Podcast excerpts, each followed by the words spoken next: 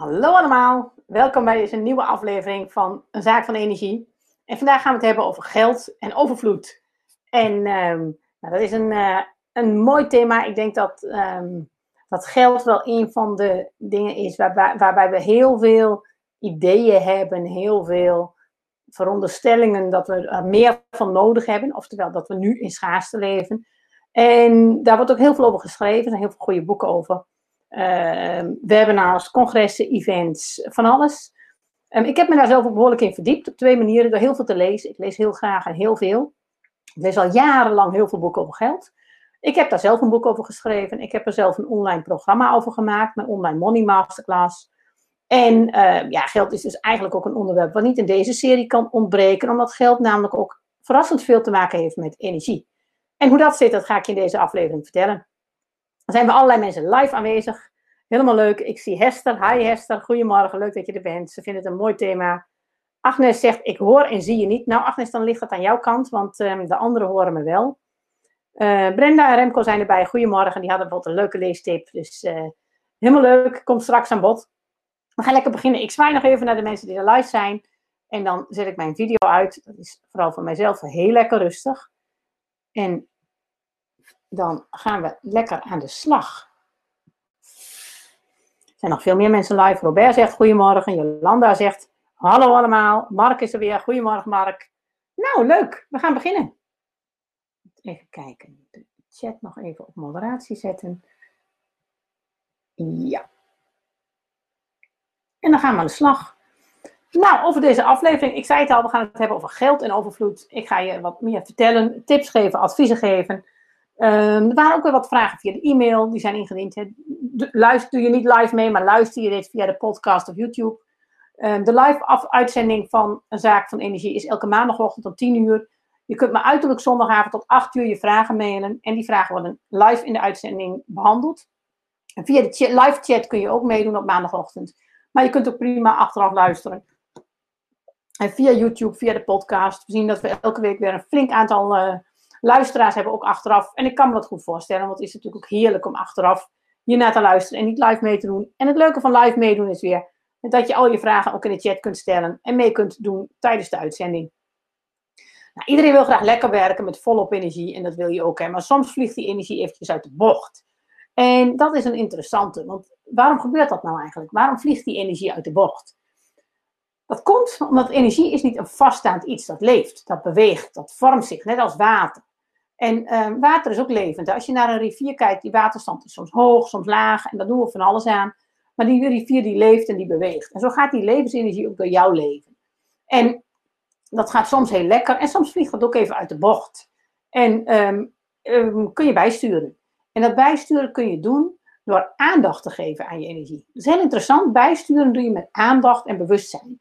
En dat zijn hele mooie thema's. Ik denk dat daar ook nog maar eens een keer een aflevering over moet komen. Over aandacht en bewustzijn. Eigenlijk is dat waar het heel veel over gaat als het gaat om je energie. Waar geef je aandacht aan? Waar ben je bewust van? Waar ben je nog niet bewust van? Wat overkomt je? En wanneer spring je op de automatische piloot? Wanneer springt je automatische reptielbrein aan? Hoe kun je dat, daar bewustzijn over krijgen? Hoe kun je dat gaan zien? Hoe kun je dingen anders gaan doen? En dat is een hele mooie, want die energie is dus niet een statisch iets die leeft, die beweegt.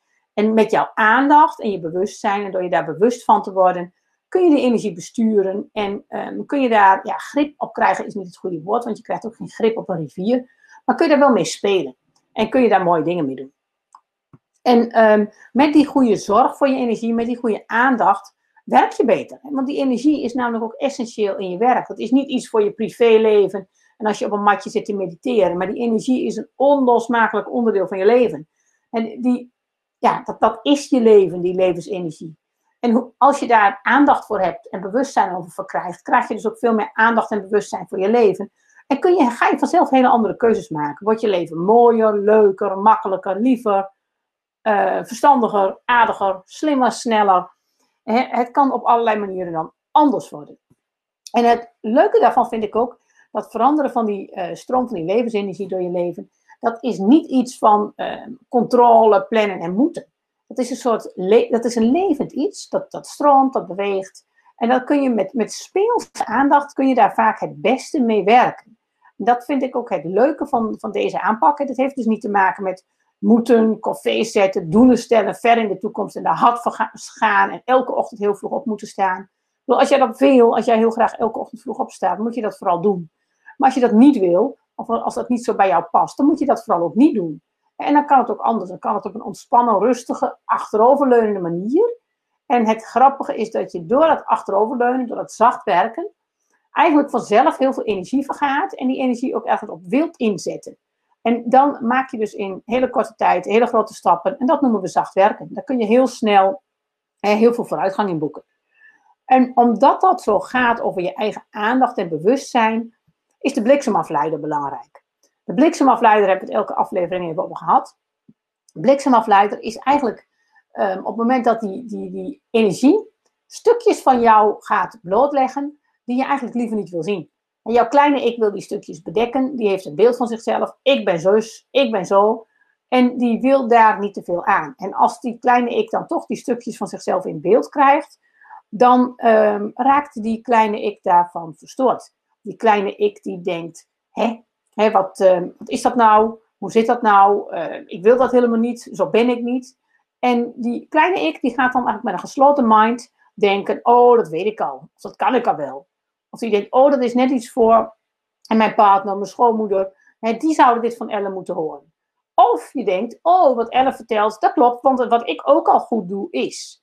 Hè, of wat ik in mijn eigen coaching altijd aan mijn klanten vertel is.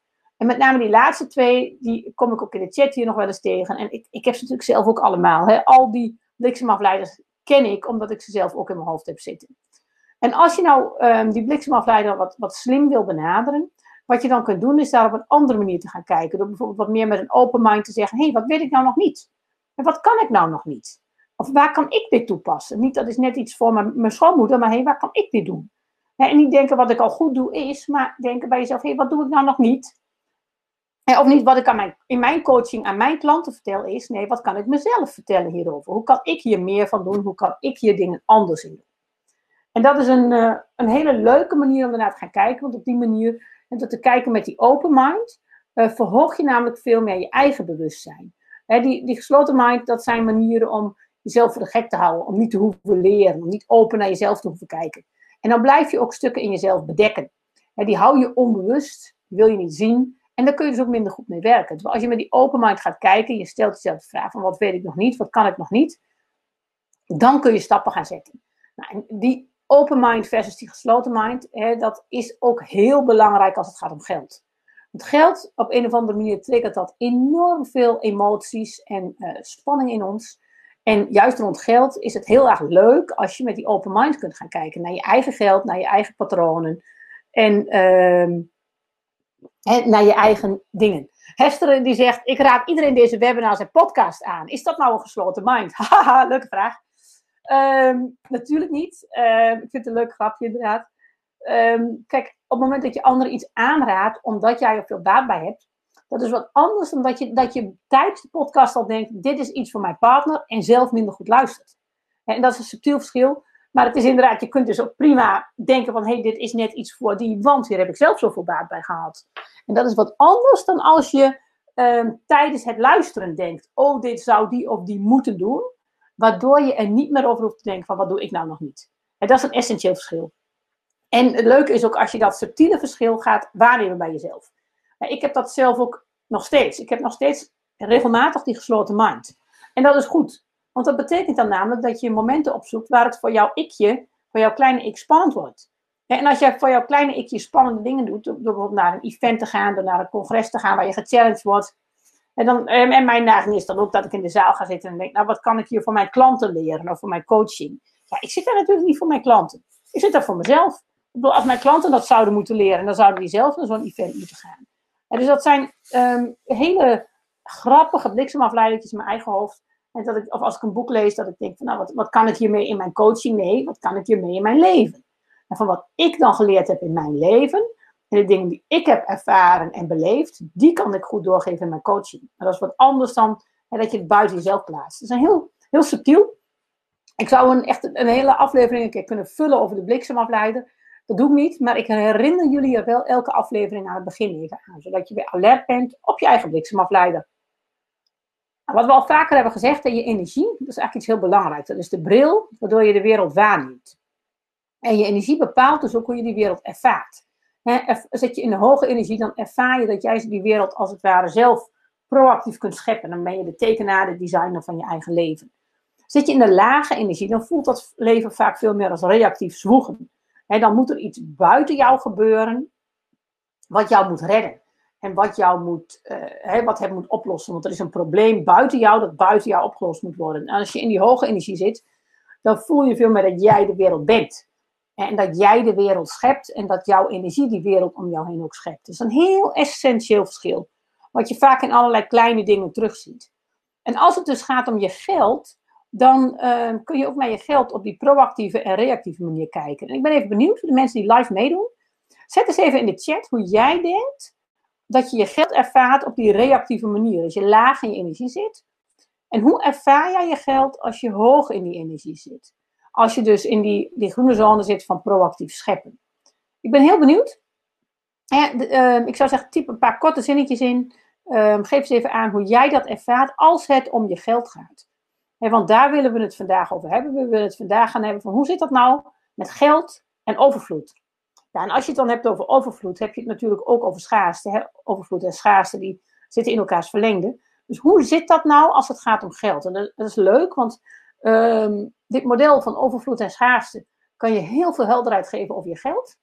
En andersom kan je geld je ook heel veel helderheid geven over jouw overvloed en schaarste denken. En de mechanismes die daar in jouw leven achter zitten.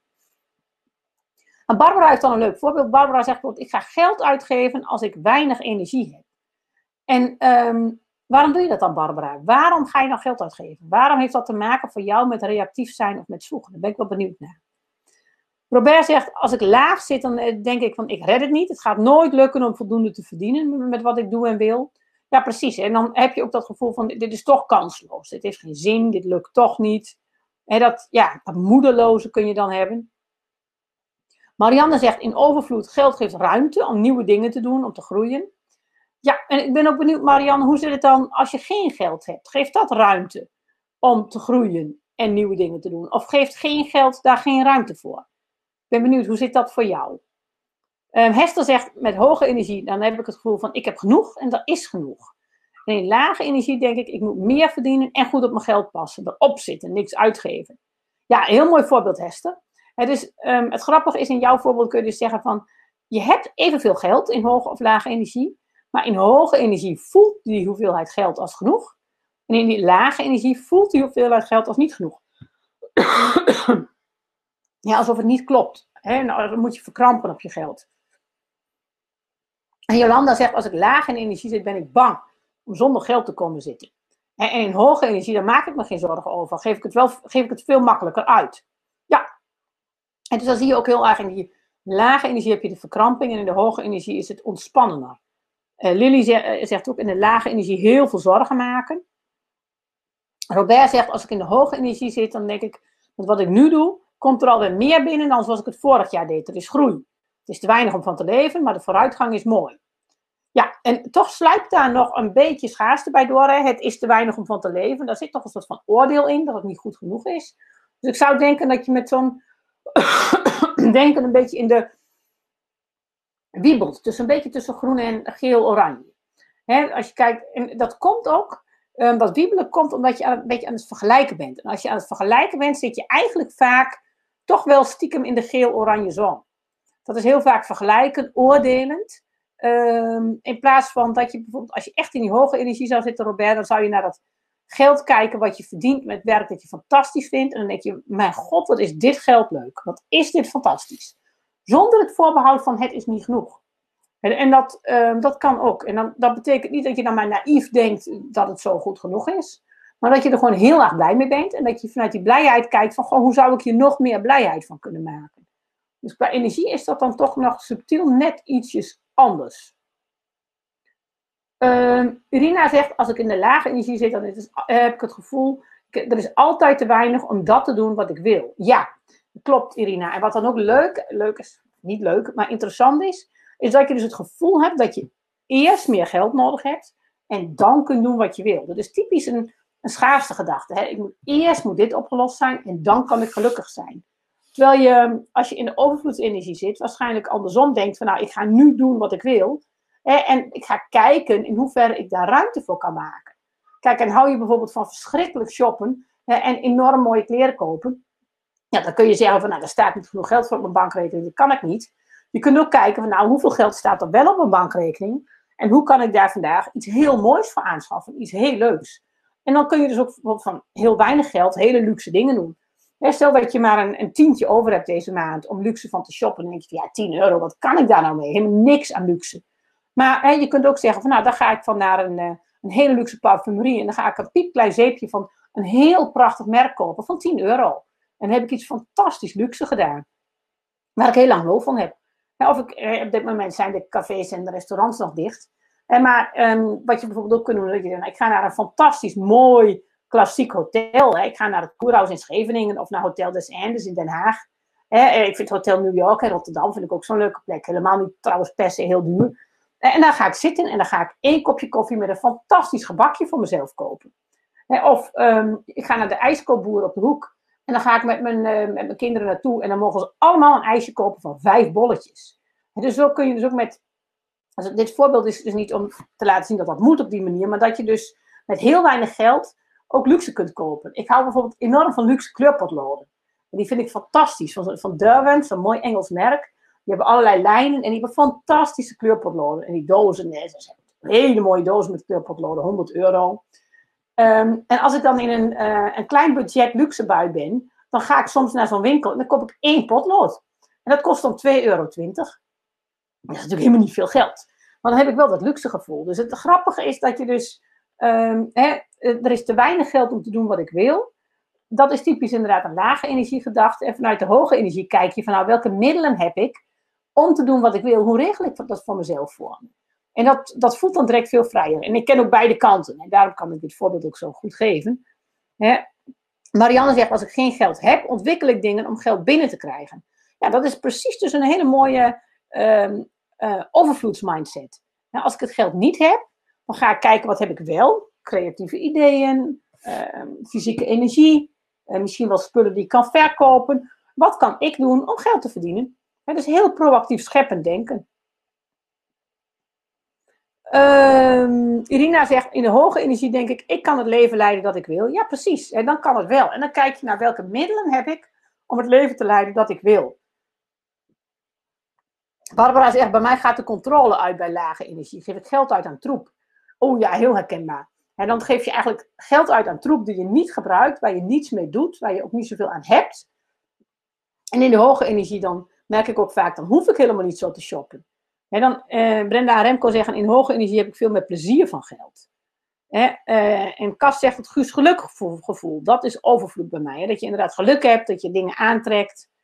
En Cas zegt ook, uh, Casper zegt, vergelijken is vaker tekort bij mij. Ja, klopt. Vergelijken is heel vaak een schaarste energie. dat, dat is toch uh, meer minder. En dat, dat is toch een beetje de kleine ik, die in de beperkingen denkt en, en de, in de vergelijkingen. En uh, die zich ook daarmee isoleert van anderen. Want als je vergelijkt, heb je altijd meer en kun je je superieur voelen. Dus ben je anders dan de ander. Of je hebt minder en je bent zielig en je bent anders dan de ander. Dus vergelijken, dat valt eigenlijk altijd uh, negatief uit. Of je nou de winnaar of de verliezer bent, je schept altijd afstand. Maar als je niet vergelijkt, dan zie je veel meer de overeenkomst met anderen en voel je de band. En dat is een heel andere energie. Uh, Marianne zegt, ik had nu bijvoorbeeld geen inkomsten. Ik heb meteen een online cursus ontwikkeld om toch weer iets te in, binnen te krijgen. Had ik nog nooit gedaan. Ik vind het nog leuk ook. Dus stijgt mijn energie ook weer door dat te doen. Robert zegt, acht jaar geleden had ik een hoge omzet, veel geld en toch altijd een gevoel van te weinig.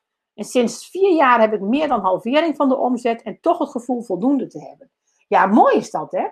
En dit is ook een gevoel wat, uh, uh, best een boel ZZP'ers zullen herkennen die bijvoorbeeld een baan in loondienst hebben verlaten. Of mensen die als interim professional heel goed betaald werden, maar iets deden waar ze eigenlijk geen lol in hadden. En daarna voor iets voor zichzelf zijn gaan doen wat echt hun eigen ding was, waarmee ze veel minder verdienen. En dus ook het lef hebben gehad om uit die gouden kooi te stappen. En dan ook ontdekken van, hé, ik kan mijn leven anders vormgeven. Waarmee het eigenlijk best wel uit kan. En waarmee ik wel rondkom. Um, en een aantal andere keuzes maken qua geld. En je dan eigenlijk netto minder geld hebt, terwijl je veel meer het gevoel van overvloed ervaart. En dat hoeft natuurlijk niet altijd. Hè? Kijk, het is niet zo dat als je maar minder, minder, minder doet, dat je dan meer overvloed ervaart. Het kan soms ook zijn dat je gewoon als zelfstandige hè, ontzettend krap zit en je niet goed genoeg draait en ehm, echt meer inkomen nodig hebt. Maar het leuke van dit voorbeeld van Robert is het gevoel van overvloed. Heeft dus lang niet altijd te maken met je bankrekening. Hè, maar ehm, het gevoel van voldoende hebben. Ik heb meer dan genoeg en ik kan doen wat ik wil. En dat geeft enorm dat gevoel van overvloed. Hè, Robert zegt ook, wat, ehm, wat is dit leuk om zo te verdienen? Ja, dat is, inderdaad superleuk, op die manier geld verdienen. Uh, Lily zegt nog, als ik hoog in mijn energie zit, dan wil ik het graag delen met anderen. En dan wil ik activiteiten doen die ik leuk en waardevol vind. En als ik laag in mijn energie zit, dan ga ik mijn geld bewaken, want er is niet genoeg. En ook al is er, is er nu wel net genoeg, dan weet ik niet of het wel aangevuld gaat worden. Ja, een mooi voorbeeld, Lily. Je ziet dus ook vaak, als, het niet, als je laag in je energie zit, dan ben je ook bang voor de toekomst. Dat het straks niet genoeg is. Ja, er is nu wel genoeg, maar straks niet. Dus ik moet me zorgen maken om straks. In plaats van, wat, wat, wat jullie net zeiden, van ik zit hoog in mijn energie. Hoe kan ik meer maken? Hoe kan ik meer scheppen? Hoe kan ik daar vertrouwen in hebben? Hoe kan ik de bronnen die ik heb inzetten? En dat raak je dan kwijt, dat gevoel. Nou, als ik laag in Marianne zegt, als ik laag in mijn energie zit, geef ik wat ik wel heb uit. Als ik daarmee het vooruitzicht heb, dat het zich dus gaat vermeerderen. Investeren in de toekomst dus.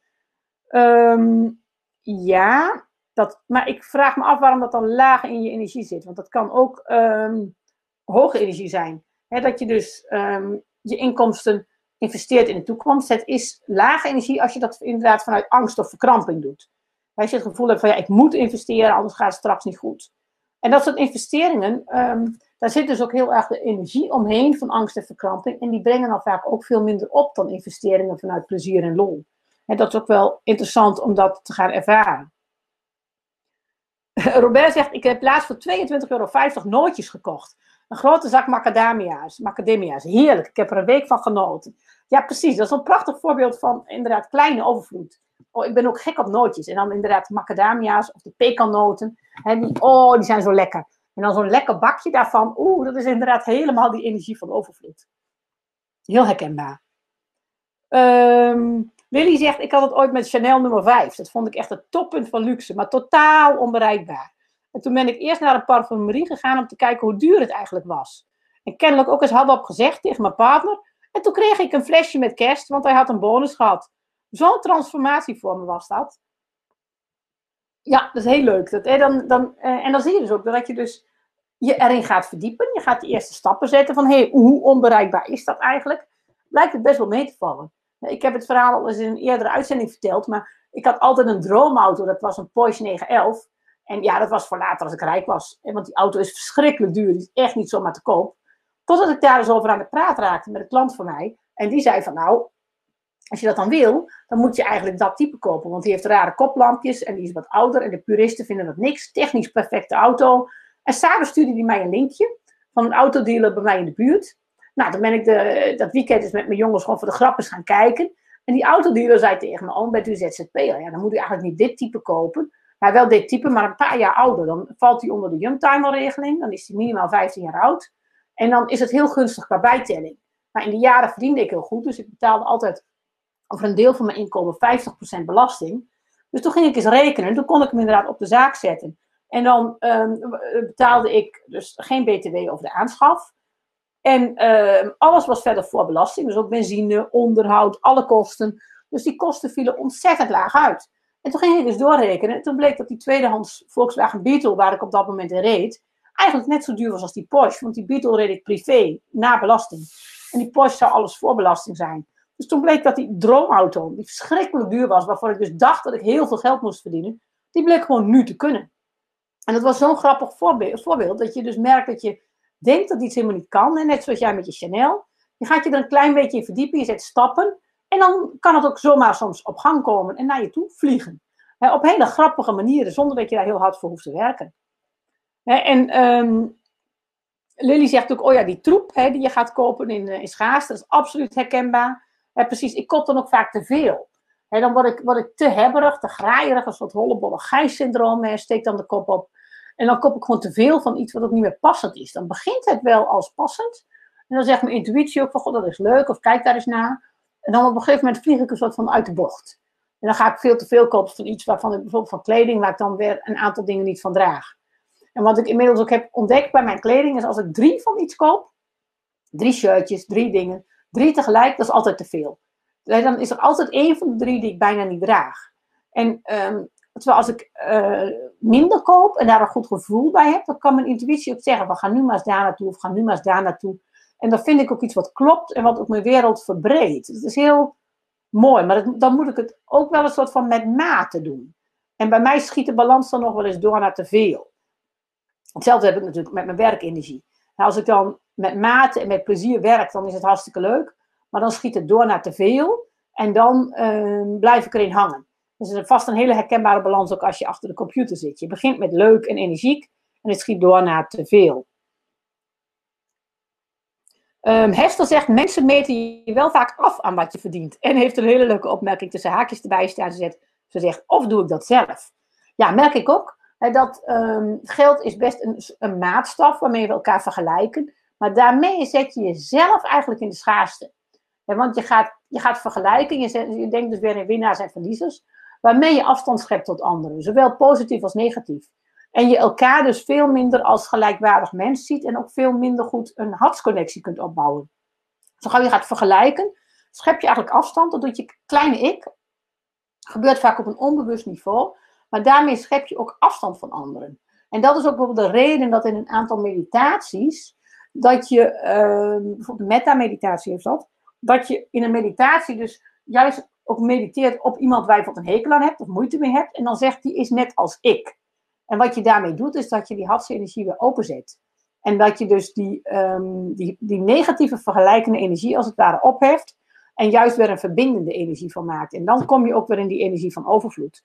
Dus het is inderdaad een goede constatering, Hester, dat um, mensen afmeten aan wat ze verdienen, dat vergelijken. Daarmee schep je dus schep je kleine ik afstand, die maakt onderscheid.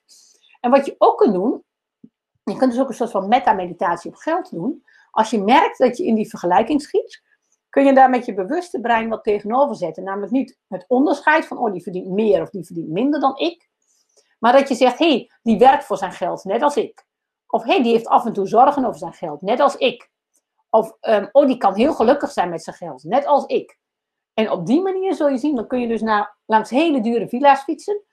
Of rijden of wandelen. En dan kijk je daarna en dan voel je niet de afstand tot die mensen. Maar dan denk je, hé, hey, die mensen zijn soms gelukkig met hun geld, net als ik. Of die mensen hebben zorgen om hun geld, net als ik. Of um, hè, die mensen werken voor hun geld, net als ik.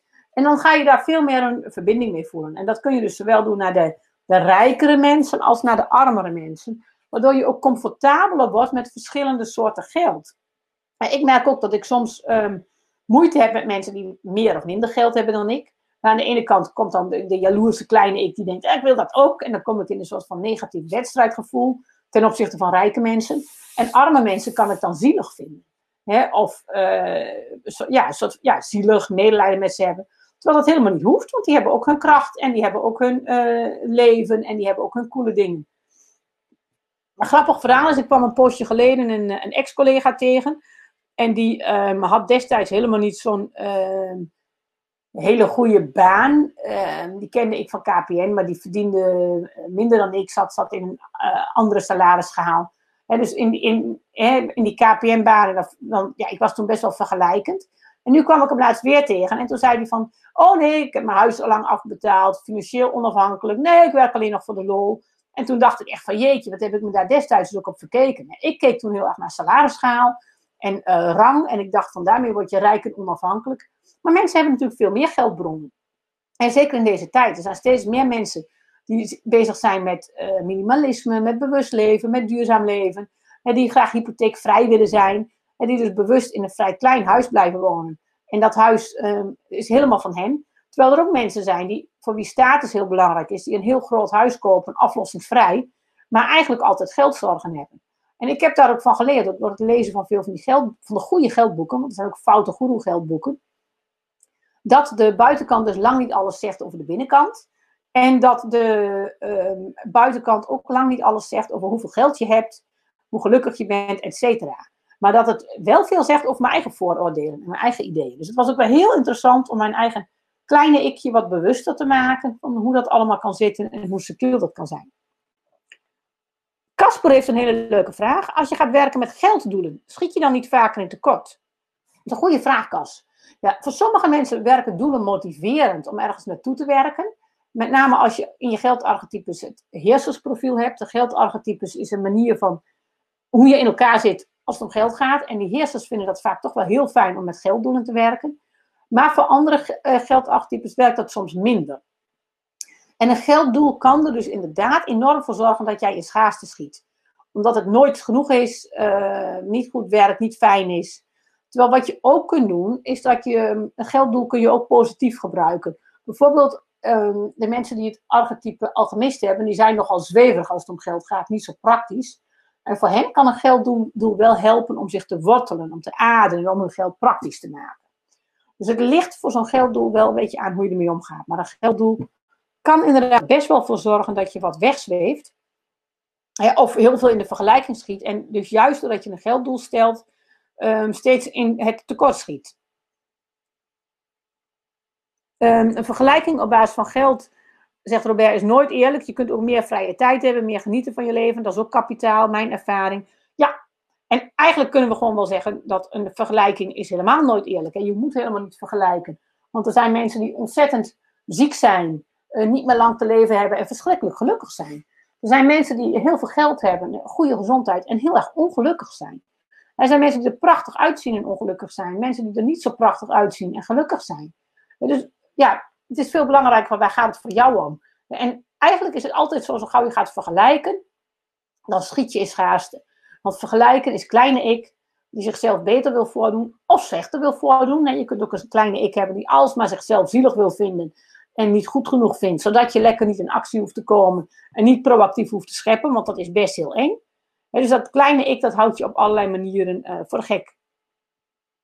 Hester zegt, kom maar door met goede geldboeken. Nou, ik ga er daar straks een paar van noemen uh, bij de mediatips. Dus uh, Lily stelt dezelfde vraag, wat zijn goede geldboeken? Um, daar komen we er straks op. nou, hoe zit dat nou met geld en overvloed? Hebben we al een heleboel over gezegd eigenlijk, dankzij jullie uh, reacties, jullie vragen, jullie inzichten. Um, wat heel belangrijk is om te beseffen, en dat, dat zie je nu al op basis van jullie reacties over die energie van geld en overvloed, gaat het eigenlijk wel om je geld? En gaat het wel om hoeveel geld je hebt? Of gaat het veel meer om jouw emoties en jouw energie als het gaat om geld? En nou, natuurlijk um, gaat het minstens zoveel over dat andere. We hebben net al gezegd, is geld schaarste? Is geld overvloed? Ja, dat ligt er dus maar net aan hoe je daar tegenaan kijkt. geeft geld je die verkramping van een donker steegje en angst? Of geeft geld je dat gevoel van ruimte, van uitzicht, van een prachtig landschap met mooie bergen in de verte? en voldoening en tevredenheid. En als je dan kijkt naar die niveaus van energie, waar we het vaak over hebben. Nou, als je zit in die overvloedsenergie, dan, dan voel je kansen, je voelt waarde, je voelt je rijk, je wil geven, delen. En je voelt je ook een soort van verlicht. Je voelt ook integraal, hè, samen, een geheel. Je voelt verbinding. En je voelt liefde, passie, lol, plezier. Je voelt je verliefd. Je kunt hè, als het ware speels bouwen, creëren, hè, eh, maken. Je voelt je proactief. Je wil verantwoordelijkheid nemen. Je voelt je enthousiast. Je wil dingen aanraden. Je focust op sterke punten. Dat kan wel.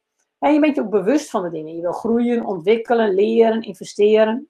Nou, al die dingen kun je ook voelen als het gaat om je geld. En het grappige is dat al die dingen kun je ook voelen op het moment dat je niet zoveel geld in je portemonnee of op je bankrekening hebt staan. En dan kan het best zijn, zoals Robert al zegt, van nou, mijn inkomen is gehalveerd, maar ik voel veel meer plezier en overvloed. Want ik heb de regie. Ik ben proactief. Ik verdien mijn geld met wat voor mij waarde heeft. Ik hoef geen dingen te doen die tegen mijn waarden en normen ingaan. of in mijn geval bijvoorbeeld, ik heb vrijheid. Vrijheid om buiten te zijn als het mooi weer is. En de vrijheid om op maandagmiddag over het strand te wandelen met mijn jongste. En de hond uit te laten bij de zee. Ehm, de vrijheid om uh, voor de hond van mijn zus te zorgen een dag per week.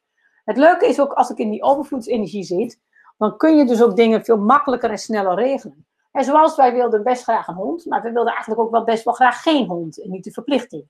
Nou, vanuit die energie ontstaat dan het idee dat we één dag per week op de hond van mijn zus passen.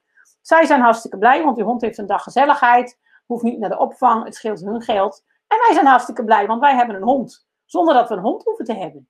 Het is, het is heel grappig, vanuit die overvloedsenergie heb je dus heel vaak andere oplossingen, zie je andere mogelijkheden die je ja, met je kleine ik of niet kunt bedenken, waar wel heel veel uh, ja, ruimte zit, mogelijkheden en vormen dingen zich dan ook soms op een hele andere manier.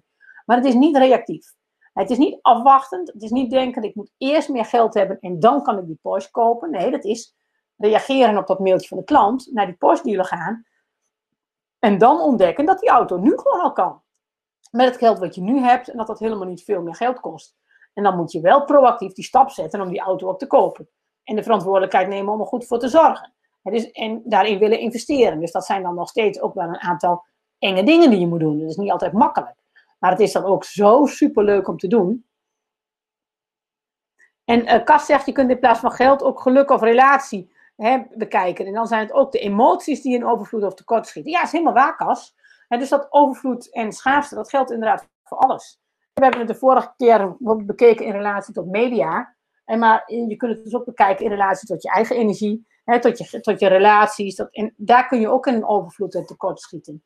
En wat wel interessant is, is dat je geld laat heel mooi zien wat jouw mechanismen zijn die spelen, hè, uh, hoe jij in elkaar zit. En diezelfde mechanismen zie je dan op andere gebieden soms ook terug. Dus als je hè, verkrampt bent rond je geld, omdat je bang bent om het kwijt te raken, kan het best zijn dat je diezelfde verkramping om iets kwijt te raken ook gaat terugzien in je relaties of op andere plekken. En, dat, en, omdat je die verkrampte energie nou eenmaal hebt en die komt op allerlei plekken tevoorschijn. En zoals een van mijn Amerikaanse coaches ooit zei, zoals je je geld doet, zo doe je alles. Want uh, dat is natuurlijk altijd zo, van waar die verkramping in jou zit, waar die energie stokt, die stokt op alles. dus als je een probleem hebt in je, met je geld op dat gebied, heb je waarschijnlijk ook een probleem in je relaties. En andersom ook, als je in je relaties um, moeite hebt met grenzen stellen en met geven en nemen, dan heb je dat als het om je geld gaat ook. En het, het mooie daarvan is dat je geld dus ook een enorme spiegel is. En jou een enorme spiegel kan voorhouden en ook enorm jouw kleine ik spiegelt. Van waar zit jouw kleine ik nog vast? Waar durft jouw kleine ik niet te vertrouwen? Um, hè, waar loopt jouw kleine ik tegen de grenzen aan? En dat, dat geld kan zo'n enorme spiegel voor jezelf zijn, waardoor je jezelf beter gaat zien. En ook die onbewuste donkere kantjes van jezelf, die je liever niet wilt zien, die je wegstopt, toch zichtbaar maakt.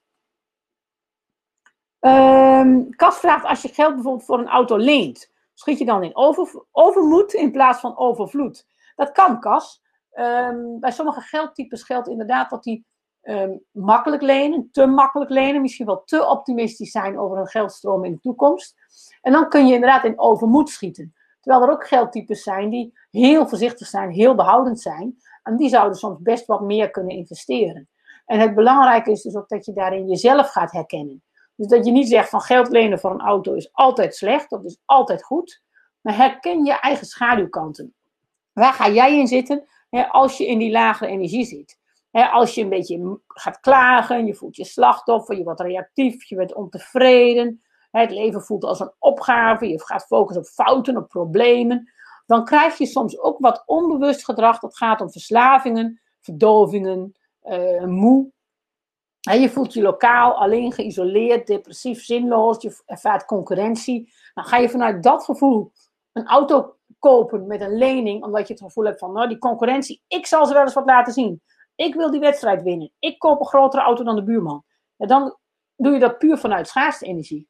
Terwijl als je zegt van nee, ik um, wil een andere baan en voor die baan moet ik verder reizen. En daar ga ik mijn verantwoordelijkheid voor nemen. Dat ik gezond kan reizen. Dat ik uh, fit blijf. Dat me dat niet te veel energie kost. Ik wil in een autootje reizen en ik ga daar wat voor lenen. En die lening ga ik zus en zo afbetalen. En daar heb ik een plan voor. En ik neem daar mijn verantwoordelijkheid voor. Want ik betaal altijd al mijn leningen af. En dan is het geen enkel punt. Dus het gaat niet zozeer om het lenen. Maar het gaat om dat herkennen van je eigen patronen daaronder. Um, Jantine zegt, echt te weinig geld hebben kan mensen wel in een verkramping houden en ze op een plek houden uh, uit creativiteit. precies, dus dat je minder die creativiteit voelt. Maar dat is wel belangrijk, Jantine. Wat is dan echt te weinig geld? Wat heel interessant is, is echt te weinig geld is natuurlijk wel een sociaal fenomeen. Want te weinig geld is niet dat je te weinig geld hebt. Je hebt te weinig geld in vergelijking tot de mensen om je heen. Want als jij jezelf, en als jij jezelf dus gaat vergelijken met mensen in Nederland in de 21ste eeuw, dan heb je misschien te weinig geld. Maar als jij jezelf dan vergelijkt met mensen in Afrika in de 21ste eeuw. Ik heb toevallig gisteravond de film zitten kijken van The Boy Who Harnessed the Wind. Van een, uh, over William, in, uh, de 14-jarige William in Malawi. Uh, die een windmolentje gaat bouwen van een oude fiets. Van een fiets. op het, en daarmee een waterpomp gaat maken waarmee ze twee keer per jaar kunnen oogsten.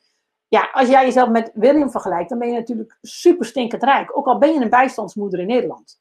Want je hebt een dak boven je hoofd, je hebt geen misoogst, je kunt altijd eten kopen. Maar ja, je kunt niet misschien twee keer per jaar die nieuwste Nikes voor je kinderen kopen. En dus daarin heb je best wel beperkingen.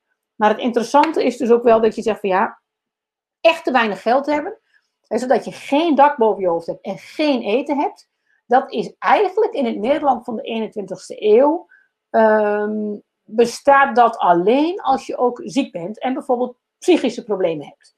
Dan um, kun je echt geldproblemen hebben, maar als je dat niet hebt, en dan kan het wel uitdagend zijn, het leven, maar juist dan is het ons ook heel belangrijk van ga dus kijken naar de overvloed die er wel is, hè, de kansen die er wel zijn. En dan is het ook wel goed om te beseffen dat te weinig geld is toch wel heel vaak ook een sociaal construct. En ik wil niet zeggen dat dat makkelijk is. Als jij in een, kijk, de mens is een groepsdier. Maar als jij leeft in een uh, kudde waarbij jij, uh, waarin 99% van de kudde meer geld heeft dan jij, dan is dat mentaal hartstikke lastig. Maar dan, ook dan is het dus weer het punt van, ja, ga je dan denken in winnen, verliezen?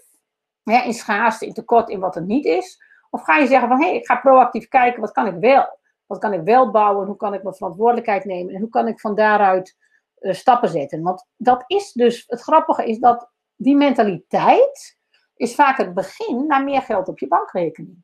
En dus juist niet denken vanuit tekort en er is te weinig, maar kijken vanuit wat is er wel. En hoe kan ik vanuit wat ik wel kan stappen zetten en groeien. En dat is niet makkelijk. Het is absoluut niet makkelijk om te leven in die groene zone, want het vraagt moed, lef, verantwoordelijkheid nemen, proactief zijn. En dat maakt het vaak zo lastig. Uh, Jantine zegt, mooie inzichten die je deelt. Ik voel ze gelukkig ook zo. Uh, en Kas zegt ook, vaak wil je jezelf niet teleurstellen. Ja, precies. En dat is ook, en um, jezelf teleurstellen kan dan ook te maken hebben met winnen, verliezen. En met druk zetten. In plaats van bijvoorbeeld met nou, het ook eens een keer kunnen laten vieren, een keer kunnen spelen, een keer zeggen van nou, kijken wel eens hoe het zich ontwikkelt. He, Kas zegt soms tijdelijk nee zeggen, uitstellen geeft ook mogelijkheden voor latere mogelijkheden. He, precies, dat kan soms ook heel goed zijn. En Jantine zegt, ja, uiteindelijk is alles relatief, hè, over dat als je echt te weinig geld hebt. Um, Lily zegt, ik ken echt wel mensen die in periodes geen geld hebben om boodschappen te doen. Ja, maar dat is interessant. Van, je hebt geen geld om boodschappen te doen. Vaak is het dan ook wel. Um, uh, ja, dat is een lastig geval. Want er zijn natuurlijk echt wel mensen die bij de voedselbank lopen, die geld tekort hebben, die het heel schaars hebben, ook in deze tijd. Zeker wel. Maar als je dat vergelijkt met de middeleeuwen, die um, elf kinderen had en een hongersnood had, waar een hongersnood heerst, of zelfs een epidemie, een plaag op dat moment, dat was wel anders dan nu. Dus het is dan ook de vergelijking van: ik heb geen geld om eten te kopen. Eh, um, wat voor eten koop je dan? En hoe ga je daarmee om? En, ik, en vaak is het dan ook een probleem met dat je niet alleen geen geld hebt, maar het ook niet meer ziet zitten. En je voelt je dus ook geïsoleerd, depressief, zinloos en je ziet de uitweg niet meer. En dan kom je heel erg vast te zitten. Dus daarom is het ook zo belangrijk om niet veroordelend te zijn naar mensen met weinig geld, maar compassie te voelen. En zij zijn net als ik. Zij maken zich zorgen. Ze zien het even niet meer. ze zien even niet meer hoe ze toch kunnen bouwen, hoe ze proactief kunnen zijn, hoe ze hun verantwoordelijkheid kunnen nemen. En daarom is het ook wel fijn als je vanuit compassie mensen met weinig geld of geen geld kunt helpen of nabij kunt zijn. Daarom is het ook fantastisch dat er dingen zijn als een voedselbank en een uitkering, waar je ook zonder veroordeling uh, waarvoor je gezorgd wordt en waar mensen je helpen en waarin je mensen vindt. Want dat is echt wel heel belangrijk. En uh, vanuit die energie kunnen mensen dan ook weer stappen zetten naar wat kan ik wel en hoe kan ik wel bijdragen. Geraldine zegt, um, het komt wel echt binnen. Ik herken bij mezelf dat ik vanuit angst leef als het om geld gaat. En zeker nu ik de stap aan het overwegen ben om te stoppen met mijn baan. Ja, dat soort momenten, dan kan er enorme angst om geld loskomen omdat geld dan ook een soort van bestaanszekerheid is. Ik herken dat ook wel toen ik bij KPN wegging. Ik had een goede baan. Ik zat in een talentenklasje. Um, en dat liet ik allemaal achter me. Ik nam ontslag. Ik kreeg geen geld mee. En we hadden wel wat spaargeld, maar het was enorm spannend. Maar ik merkte ook dat ik dat moest doen. Ik wilde dat doen. Ik wilde niet meer door op die weg zoals ik destijds bij KPN ging. En met uh, heel veel ontslagen. Uh, elk half jaar stond je baan ter discussie. Continue angst en onzekerheid. Dus ik sprong in het diepe. Ik nam die grote stap naar voor mezelf beginnen.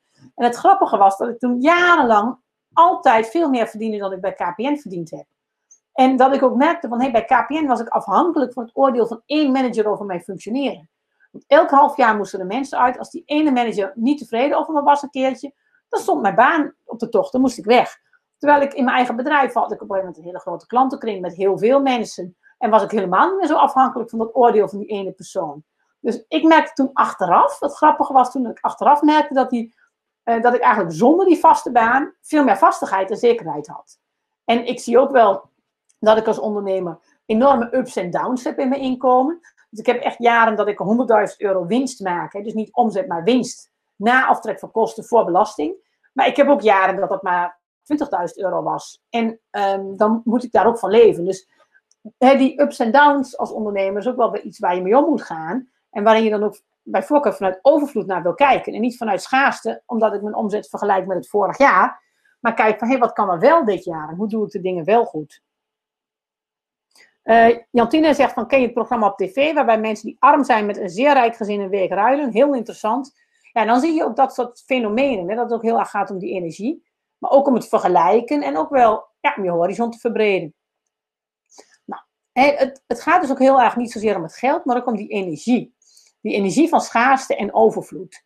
En, en wat ik al eerder zei, die economie, dat gaat dus ook niet om rationele mensen die schaarse goederen verdelen. Maar economie zou moeten gaan om intuïtieve mensen die creatieve overvloed scheppen. Dan hebben we het om die economie van overvloed. Ja, want je kunt geld dus zowel bekijken vanuit schaarste, hè, die stekelige kastanjes, als overvloed dat mandje vol kastanjes, waarmee je eindeloos kastanjebomen kunt aanplanten en nog meer overvloed kunt scheppen. En dan gaat het dus idealiter ook niet om het vechten met anderen om een puntje van de taart. Nee, het, economie en geld kunnen gaan om creatief samenwerken, om samen veel taarten te bakken. En dan is het zoveel leuker. En dan kun je jezelf ook de vraag stellen: heb je nou, meer geld nodig voor overvloed? Of heb je een andere mindset en energie nodig om meer overvloed te ervaren? Nou, ik heb nog een, een, een voorbeeld hierin. Ik, uh, ik werk natuurlijk veel met andere business coaches en andere mensen die veel online marketing doen in Nederland. Ik ken er ook veel, ik ken er veel persoonlijk. En een poosje geleden zat ik dus met, uh, met iemand te praten, dat heb ik volgens mij vorige keer ook die als gelddoel had dat hij een miljoen per jaar wilde verdienen. En toen hij dat miljoen op een gegeven moment gehaald had, had hij het er niet eens meer over. Ik moest hem dan vragen van, hoe gaat het nou dit jaar met je omzet? Je, zou, oh ja, je wou toch naar een miljoen? Ja, nee, dat gaat wel lukken. Volgend jaar ga ik voor 2 miljoen. En toen dacht ik van, ja, maar je viert niet eens hoe het nu is. Je noemt het niet, je rent eraan voorbij. En dat vond ik ontzettend jammer. Dan, dan wordt dat gelddoel dus een soort van wortel die je eindeloos voor je neus houdt, maar die ook eindeloos met je meebeweegt. Hè, zoals het domme ezeltje. Bij wie ze een, een, stok, een wortel aan een stok vorm houden. En dan wordt dat gelddoel wordt dus zo'n wortel, terwijl je jezelf door het domme ezeltje maakt. En ondertussen hou je altijd het gevoel dat er niet genoeg is. En dat is gewoon super jammer. En dus je hebt lang niet altijd meer geld nodig voor meer overvloed. Soms wel. En soms kan het gewoon heel fijn zijn om meer te verdienen en meer te kunnen. Maar op andere momenten wil je misschien meer naar buiten, of meer vrijheid, of meer rust, of meer tijd. En dat hoeft niet altijd samen te hangen met meer geld. En wat je dan ook kunt zien, is dat je soms uh, geld triggert jouw lage energie, je verkramping en ook je gevoel van nooit genoeg. En, en um, hoe zit dat dan bijvoorbeeld? Nou, bijvoorbeeld, en wat je kunt merken is dat je geld je een gevoel triggert van onrust en van angst, van verdriet. En, en dat die emoties daar eigenlijk onder zitten. onzekerheid, dingen bij een ander leggen. Mijn baas moet me meer betalen. mijn klanten zouden uh, hier meer voor over moeten hebben. Uh, andere vormen van lage energie kan zijn dat je geld wil negeren. En dat je afdwaalt, dat je het ontwijkt. Dat je liever niet naar deze aflevering over geld luistert, maar wel weer lekker naar die volgende over manifesteren. En dus dat, dat is ook wel een, een syndroom wat je bij sommige mensen ziet. Dus juist je geld niet serieus willen nemen. En een ander iets wat je vaak ziet gebeuren als het om geld gaat, is dat je dat hollebolle gijs-syndroom. En nooit genoeg. Hè, of um, steeds meer geld willen hebben, omdat je in je geld je bevestiging zoekt. Dat je toch wel wat waard bent. En daarmee kan geld een enorme spiegel voor jezelf worden. Als je gaat kijken van hey, welke emoties triggert mijn geld, dat je dan ook ziet van daar zit vaak iets onder. Misschien uit je vroege jeugd. dat je vader weinig waardering voor je had en dat je toch graag de waardering wil van die vader, die mannelijke energie. En dat zoek je dan bijvoorbeeld in geld en in de buitenwereld. En dat je die, die, die mannelijke energiebevestiging wil door meer geld te krijgen, door, door, door meer zichtbaar te zijn, door meer aanwezig te zijn. En het kan ook zijn dat je met geld juist heel onbekwaam voelt. En denkt, ja, dat kan ik niet. En dat is meer iets voor anderen. En ik ben het kleine meisje, het kleine zielige, onschuldige meisje. Laat anderen maar voor mijn geld zorgen. Vanuit onzekerheid dat bij een ander neerlegt. Dus er zijn allerlei verschillende patronen als het gaat om geld en schaarste. En het is waanzinnig interessant als je dat bij jezelf gaat herkennen. Nou, een heel grappig voorbeeld heb ik van, van, uit mijn eigen ervaring. Dat is dat ik heb eigenlijk zelf kan ik, als ik in die lage energie zit, ook enorm dat gevoel hebben van er is niet genoeg geld. Er is niet genoeg en er moet meer zijn en ik moet iets, en ik moet iets nieuws doen. Ik moet iets nieuws doen om meer geld te krijgen. dat is ook dan altijd. Ik moet iets anders gaan doen, ik moet iets nieuws doen. Iets nieuws lanceren, een nieuw bedrijf beginnen, een hele andere kant op gaan. En dat heeft niet te maken met uh, het gevoel van uh, groei of ik wil iets nieuws, maar gewoon het moet vanwege het geld. Nou, een poosje geleden was ik fanatiek Pokémon spelen, Pokémon Go, een ontzettend leuk spelletje. En ik heb dat de hele winter veel gespeeld. En toen zat er bij ons om de hoek zit een, eh, een, speeltuintje. En in dat speeltuintje zit een Pokémon Gym. En daar was op dat moment een bijzondere Pokémon te vangen. En uh, dat is dan binnen een bepaalde tijd. Hè? Dat is niet continu. Dus ik zat s'avonds op de bank. Ik kreeg uit een van de Pokémon appgroepen een melding. Daar is nu, hè, over een kwartiertje gaan we daar met z'n allen een bijzondere Pokémon vangen. Dus ik pakte mijn telefoon. Ik dacht, oh wacht, mijn jongste wil, wil die Pokémon ook graag. Ik neem ook even zijn telefoon mee. Dus ik stopte die twee telefoons in mijn jaszak. Ik liep de straat uit de hoek om, richting speeltuin. Toen dacht ik, oh, ik kan hier wel even binnen doorsnijden. Dan wandel ik door die brandgang achter de huizen langs. Dan, um, dan, kan ik, hè, dan ben ik wat sneller bij het speeltuintje. Dus ik wandelde daar, ik pakte die telefoons vast uit mijn zak. En op een gegeven moment denk ik van, liep ik me een beetje zorgen te maken over mijn geld. En is dat wel genoeg? En hoe moet dat allemaal? En toen stopte ik en toen moest ik heel hard om mezelf lachen. Toen dacht ik van, Ella, wat ben je nou aan het doen? Je hebt genoeg geld voor nu op de bankrekening staan. He, dat is meer dan genoeg. Dat is geen enkel punt om je zorgen over te maken. Je loopt hier met twee iPhones in je handen. In het donker. Laat op de avond. In het donker steegje. Die iPhones die lichten op. Dat is voor iedereen zichtbaar dat jij hiermee loopt. Je maakt je geen enkele zorgen om je telefoons en om je veiligheid in dit donkere steegje. Dat was echt zo. Ik was totaal niet bang. Maar je maakt je zorgen over geld waar je genoeg op de bankrekening hebt staan. En dat was zo'n grappig moment. Daar moest ik heel hard om lachen. En op dat moment viel er ook een heleboel van die geldangst van me af. Dat ik dacht van, wat is dat eigenlijk een construct in mijn hoofd, die geldangst, in plaats van realiteit? en op dat soort momenten krijg je dus even een glimpje te zien van verkrampingen van kleine ik. Kun je daar met, ja, met, met humor, met compassie naar kijken. En dan kan er ook een heleboel in één klap van je afvallen. Want als je kijkt naar geld, kan het ook anders zijn.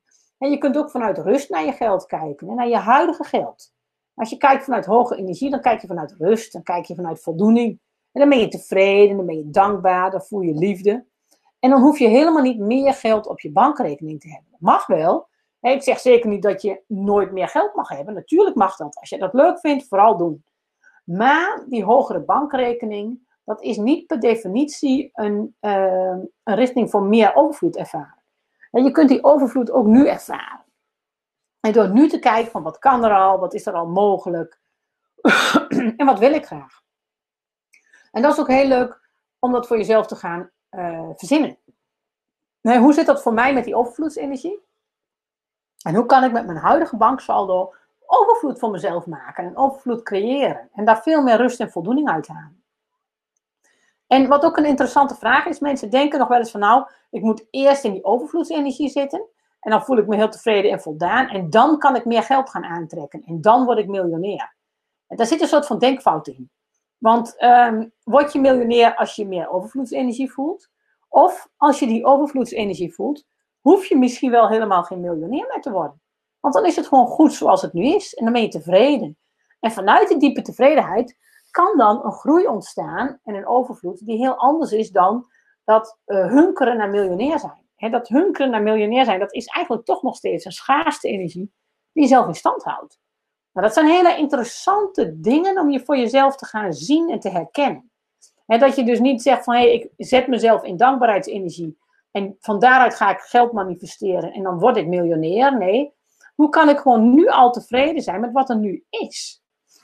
En het gaat dus ook niet om meer geld, maar het gaat om de overvloed die je nu al kunt ervaren. die prachtige woeste bergtop, dat mooie landschap, wat er nu al voor je staat, maar waar je overheen kijkt, wat je niet ziet. omdat je zo in de race bent om meer, meer, meer. Maar is er wel een andere valkuil? Aan de ene kant heb je de valkuil van ik wil meer, meer, meer. En als ik nou maar miljonair ben, dan heb ik nooit meer geldzorgen. Terwijl dan de geldzorgen vaak pas beginnen. Want dan moet je ook goed voor je geld zorgen. En als je dat daarvoor nooit hebt geleerd, dan wordt dat een hele lastige. Een andere kant daarvan is, mensen zeggen van zie je wel, het gaat niet om het geld. En dan hun geld gaan ontwijken. En ook niet goed voor hun geld zorgen. En niet helder hebben hoeveel belasting ze moeten betalen. Geen geld opzij zetten als ze aan het einde van de maand voor belastingen of voor kosten. Eh, eh, geld aan een ander overlaten. één bankrekening waarop alles bij elkaar binnenkomt, waardoor je eigenlijk geen overzicht hebt. En dat is ook een grote valkuil. Dus aan de ene kant heb je de valkuil van ehm, ik moet altijd meer, meer, meer. Aan de andere kant is er ook de valkuil van het wegzweven van je geld en daar niet goed voor zorgen. Nou, hoe moet het dan wel? Hele simpele tip. Doe als Leonardo, Leonardo da Vinci. We hebben hier die mooie euromunt al een tijdje in beeld hè, in, dit, uh, in deze serie als je meekijkt. Wat deed Leonardo? Leonardo heeft geen scholing gehad. Hè, hij was wel razendslim. En wat hij deed is hij maakte heel veel notities. En hij onderzocht alles. En die prachtige tekening van die mens, die armen en benen in de cirkel, die komt uit zijn notitieboeken, waarin hij van alles schreef. Het grappige is ook in zijn notitieboeken, hij schreef niet van rechts naar links, maar van links naar rechts. Hij was links, dus voor hem was dat handig. Hij was ook grotendeels autodidact, hij heeft zichzelf heel veel geleerd. Maar hij maakte die aantekening voor zichzelf. Dus hij schreef gewoon, als het ware, tegen de richting in. Omdat hij dat zelf prima kon lezen. En ehm, wat hij deed, was dus hij onderzocht van alles. Hij onderzocht het geld. hij onderzocht uh, de mens. Hij onderzocht de, de bouw van het menselijk lichaam. En mede daardoor kon hij dus fantastische dingen ontdekken en fantastische dingen verzinnen. En dat is mijn tip. Word eigenaar van je geld en je emoties als het gaat om je geld. Ga niet langer je geld negeren, op een grote hoop gooien of er niks mee doen. Ga je erin verdiepen. Zonder het holopologijs-syndroom, maar met plezier, met lol, met overvloed. En ga je geld onderzoeken. En net zoals hij deed, als autodidact, maak het je eigen en ga je er je weg in vinden. En onderzoek ook de bril waardoor jij, uh, waardoor, uh, jij je geld ervaart. Ja, precies. Robert zegt ook, hij schreef ook in spiegelbeeld. Precies. Hij schreef in spiegelbeeld en alles deed hij dus hè, andersom. Hij onderzoekt die bril waardoor jij je geld ervaart. Wat, hoe zit dat voor jou in elkaar? Net zoals Leonardo keek naar het menselijk lichaam.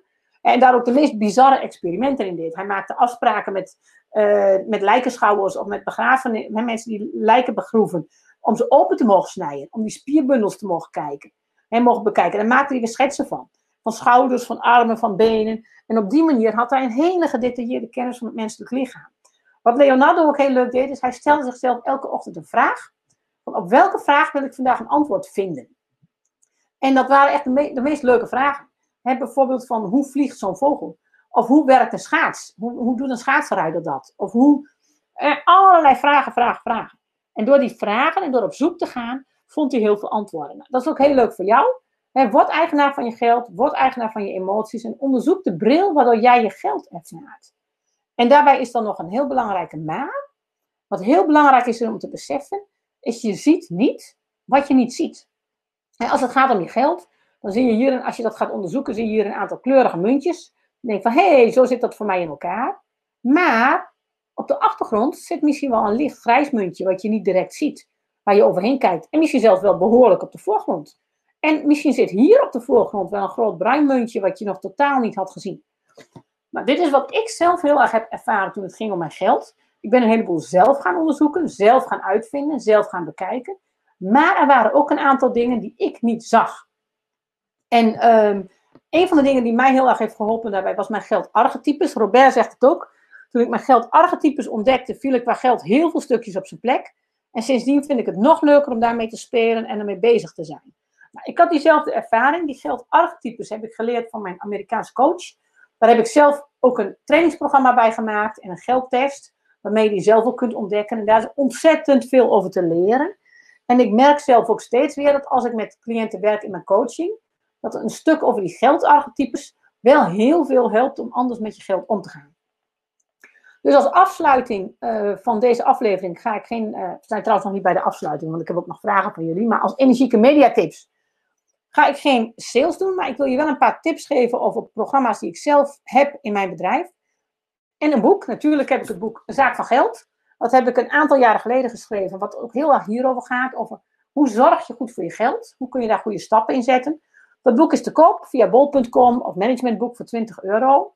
Maar speciaal voor de luisteraars van dit webinar is dit boek ook gratis via uh, mijn website te krijgen. Dat is via faction.nl. Faction schrijf je met een x, dus F-A-X-I-O-N.nl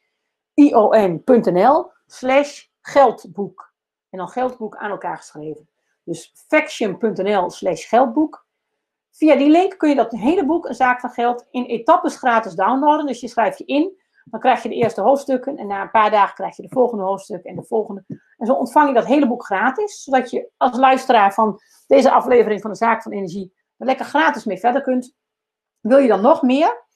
Dan kun je ook aan de slag met de Online Money Masterclass. Dat is een, eh, een uitgebreider programma waarbij je ook die geldarchetypes leert. En wat ik je daarbij als bonus geef, is uh, als je dat programma wil aanschaffen, mail me even. Dan krijg je een uh, lage luisteraarsprijs. En dan krijg je er als bonus een 1 op 1 sessie bij, waarin ik voor jou een geldreading doe van jouw geldarchetypes. Dus dan doe je de geldtest en daarbij krijg je dan een 1 op 1 uh, telefonisch gesprek met mij, waarin ik voor jou vaststel van, kijk, zo zitten jouw geldarchetypes in elkaar. Dat betekent dit voor jou in hoge energie en dat in lage energie. Het leuke is ook dat je dus geen andere geldarchetype hoeft te worden. Maar dat je met name kunt gaan kijken van, hé, hey, wat is mijn natuurlijke kracht al van mijn geldarchetype en wat past bij mij? En dat is ook wat Robert zegt, als je die geldarchetypes leert kennen, dan vallen er heel veel puzzelstukjes op zijn plek. Dan ga je ook zien wie je eigenlijk altijd al was en wie je eigen sterke kant, wat je eigen sterke kanten zijn, wat jouw superpower is als het gaat om geld. En dat is gewoon superleuk en krachtig. Hester zegt, wat gaaf je boek, dankjewel. Nou, je hoeft zelfs die link niet eens te noteren. Want als je live meedoet aan dit webinar, dan land je straks aan het einde van het webinar, als je afsluit, vanzelf op die pagina en kun je vanzelf dat boek aanvragen. Doe je later mee, via luister je via de podcast. De link is www.faction.nl, F-A-X-I-O-N.nl, slash geldboek. Daar kun je inschrijven. Je mag die link ook met andere mensen delen. Deel het vooral met anderen, want hoe meer mensen dit ontdekken en leren, hoe leuker het natuurlijk is. Jantine zegt, ik heb dat boek al. Mooi, goed zo. Dan heb ik nog een paar andere geldboekentips voor jullie. Als ik al zei, ik heb daar zelf enorm veel over gelezen. Een leuk boek, dat was een uh, tip van, even kijken in de mail, van Remco en Brenda. Die vertelden dat vorige week. Die zeiden, een heel leuk boek op dit gebied is Happy Money van Ken Honda. Hij heeft veel meer boeken geschreven. Maar dit gaat ook inderdaad heel erg over de emoties achter je geld. Hoe zit dat voor jou in elkaar? Het gaat niet om meer of minder geld, maar het gaat ook om je emoties. En juist doordat je die emoties kent en snapt, kun je veel meer geld gaan maken. Een term uit het boek die ik heel erg leuk vind, is hij heeft het steeds over zijn happy little millionaire. Het is de kleine blije miljonair. En dat was een term die me enorm aansprak. Ik van, ja, dat is ook precies waar het om gaat. Een ander goed geldboek vind ik Je Geld of Je Leven. Uh, dat is van een Amerikaanse schrijver. En dat boek is later in het Nederlands bewerkt door het echtpaar van uh, de Vrekkenkrant en tegenwoordig het magazine Genoeg. En in Je Geld of Je Leven, dat heeft een hele interessante insteek. Dat kijkt naar hoeveel geld heb jij nodig voor een comfortabel bestaan. Dus voor gewoon lekker genoeg. En hoeveel inkomen heb je nu? En hoe kun je ervoor zorgen dat je steeds minder afhankelijk wordt van je baan of je, je, je inkomen en steeds meer in vrijheid kunt gaan leven. Er zit een hele mooie aanpak achter die je stap voor stap kunt doen, eventueel met je partner samen. Dat boek is ook online te vinden, kun je online gratis in zijn geheel als PDF downloaden. Super waardevol, super interessant boek. En daarnaast uh, schot mij straks nog een goed geldboek te binnen waarvan ik dacht, dat moet ik jullie even noemen. Oh ja, natuurlijk. Voor de ondernemers onder jullie is dat Profit First van Femke Hogema en Mike Mikhalovic.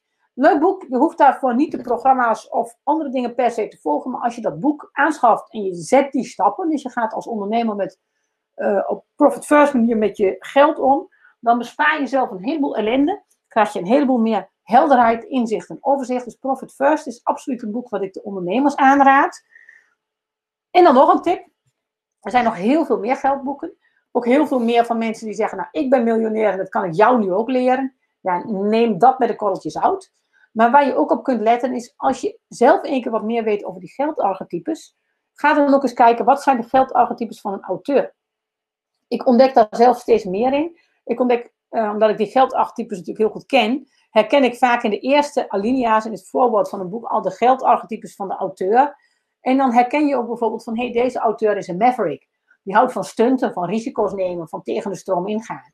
Of andersom, oh, deze auteur is een heerser, die wil alsmaar groeien, groeien, groeien, meer, meer, meer.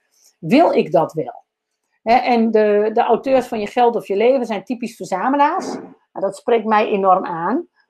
um, Ken Honda, daarvan zie ik iets minder uh, een bepaald geldarchetype. Die is volgens mij heel erg gebalanceerd in zijn archetypes. maar um, het is handig als je die geldarchetypes ook voor auteurs gaat herkennen. En dat je ook de geldbalans bij auteurs gaat herkennen. Van, is dat inderdaad wel zo in balans? Of is dit iemand die bijvoorbeeld heel veel glitter en glamour wil, daar heel erg in investeert, maar eigenlijk stiekem zelf heel veel rood staat en dat niet aan de buitenwereld wil laten weten? En dat is ook een geldarchetype. En daar zit dan vaak heel veel schaamte en uh, dubbele moraal onder. Dus um, ja, het is, het is handig als je die geldarchetypes wat gaat kennen en ook de emoties van de auteur zelf gaat herkennen als het om die geldboeken gaat. Want die auteurs zijn natuurlijk ook niet heilig.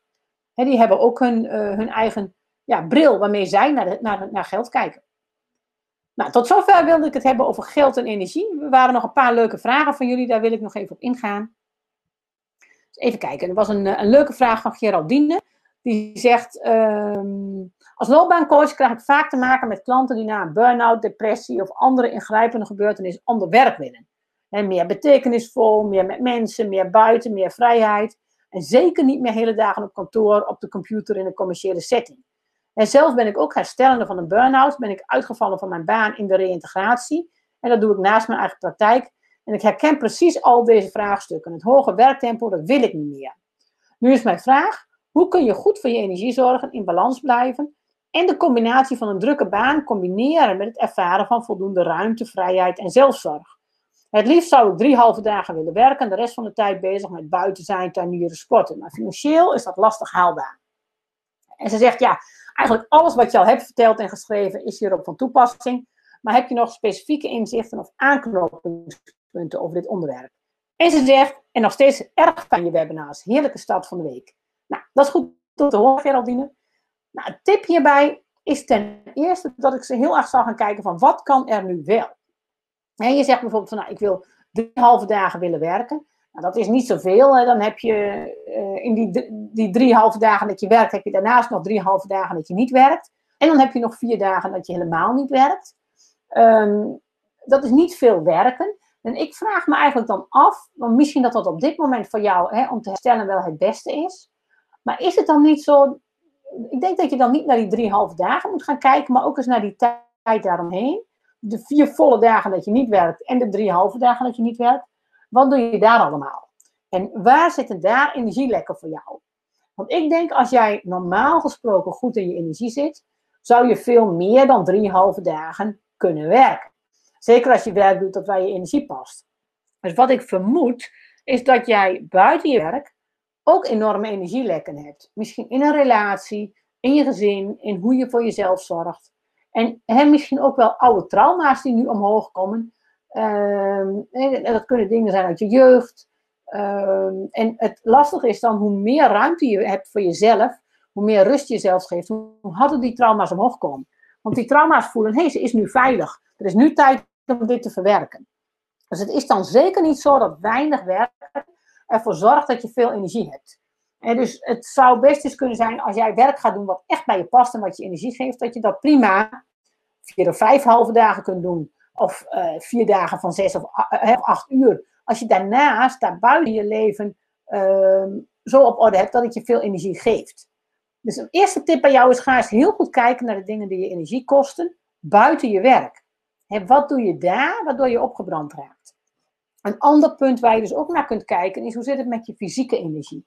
Hoe zit het met je voeding? Zitten er in je voeding dingen die, die je misschien niet weet, die je onbewust ondermijnen en moe maken? Eet je misschien soms wat verkeerde dingen, um, waardoor je fysieke energie niet op orde is? Um, zijn er oude trauma's die je fysieke energie ondermijnen? En die je heel veel energie kosten, die je voor heel veel piekeren zorgen, die voor een gevoel van minderwaardigheid zorgen of een gevoel van overactief, overactief moeten zijn. Ik denk dat die balans ergens nog niet helemaal klopt. En als die balans wel klopt, dan heb je vaak ook energie en dan wil je ook aan de slag en dan vind je het ook leuk om dingen te doen, maar dan wil je niet meer alles doen. En dan wil je zeker niet vier of vijf dagen per week in een callcenter zitten, een product verkopen via de telefoon waar je helemaal niet achter staat. Dat, dat kun je dan gewoon niet meer. Dat wil die energie niet.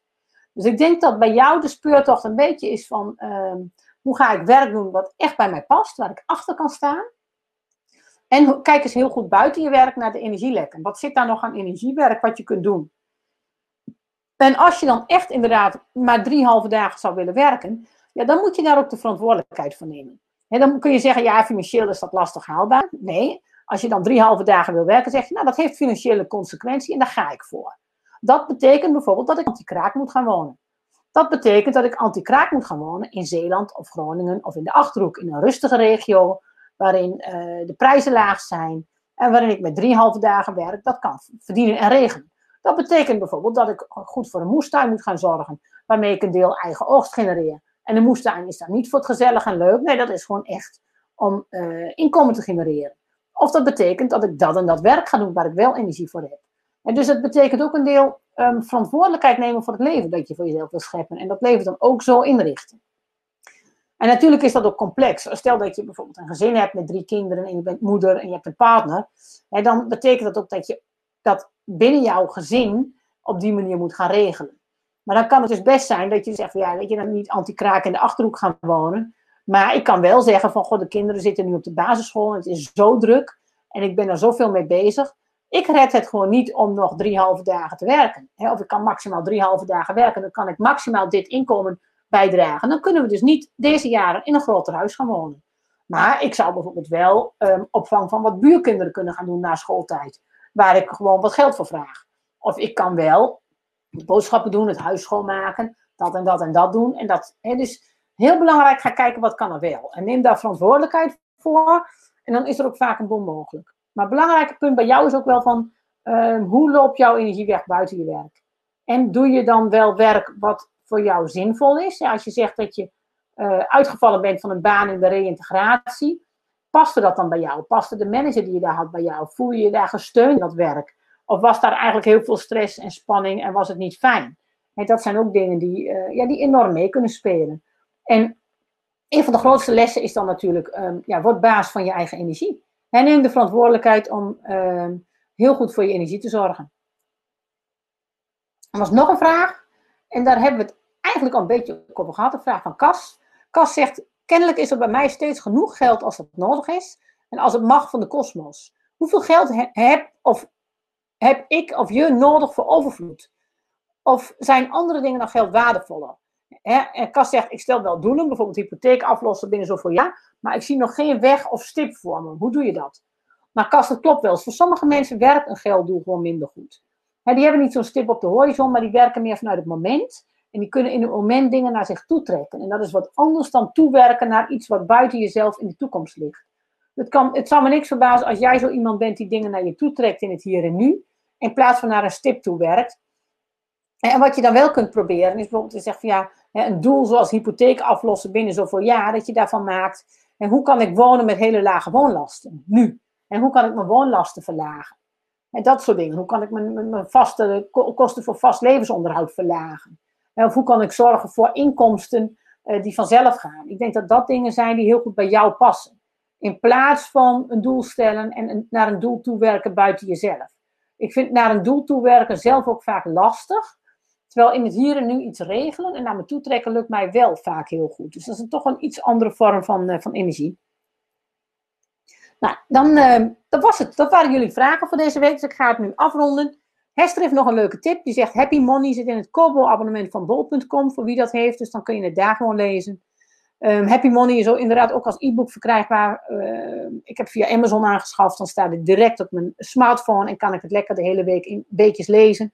Vind ik zo'n heerlijk boek om mezelf ook mijn energie er dan bij te houden. Dan hoef ik niet op de bank te gaan zitten. Of zo'n papieren boek uh, te onthouden. Maar het staat gewoon op mijn telefoon. En in plaats van dat ik dan op Facebook ga scrollen. Ga ik wel even twee, drie pagina's in Happy Money lezen. Dus voor mij zijn dat dan heerlijke boeken om het op die manier te doen. Mark zegt dank en tot de volgende keer. Ingrid zegt dank Ellen, alweer veel van jou en van de vragenstellers geleerd. Dank ook aan hen. Ja, leuk is dat hè. Juist door elkaars reacties leer je ook zoveel. Lily zegt dank wederom. Nou, jullie ook bedankt. Bedankt voor je leuke vragen. En voor je leuke punten, voor je goede tips. Zoals altijd geldt, je krijgt, hè, heb je ingeschreven, krijg je vanzelf een link naar de opname. Beluister je dit via podcast, bekijk je het via YouTube en wil je ook die link vanzelf krijgen en die informatie, schrijf je dan in via www.zaakvanenergie.nl. Dan ontvang je vanzelf alle updates. Deel dit gerust met alle anderen. Ben je er volgende week weer bij? Heb je live vragen? Dien die dan uiterlijk zondag om 8 uur in. En dan wens ik je weer een hele fijne week vol hele fijne energie. Ga lekker met je geld aan de slag. En daar kun je volop mooie dingen mee doen. En uh, geniet ervan. Geniet van je geld. Geniet van je energie. Robert vraagt, wat gaan we volgende week doen? Nou Robert, ik heb inmiddels een lijstje met wel 30 onderwerpen die ik zou kunnen gaan doen. En uh, ik weet het nog niet wat ik voor volgende week ga kiezen. Dan ga ik nog eens even lekker over mijmeren. En uh, als je hebt ingeschreven, dan lees je wat het gaat worden. Waarschijnlijk donderdag wel in de mail die je donderdag gaat krijgen. Lily zegt, haha, 30 onderwerpen. Ja, je lacht erom. Het is echt waar. Ik heb echt heel veel onderwerpen uh, in relatie tot energie die ik kan gaan vertellen. Het grappige is, veel van die onderwerpen had ik al bedacht voordat we kwamen op uh, geld en uh, op het onderwerp van vorige week.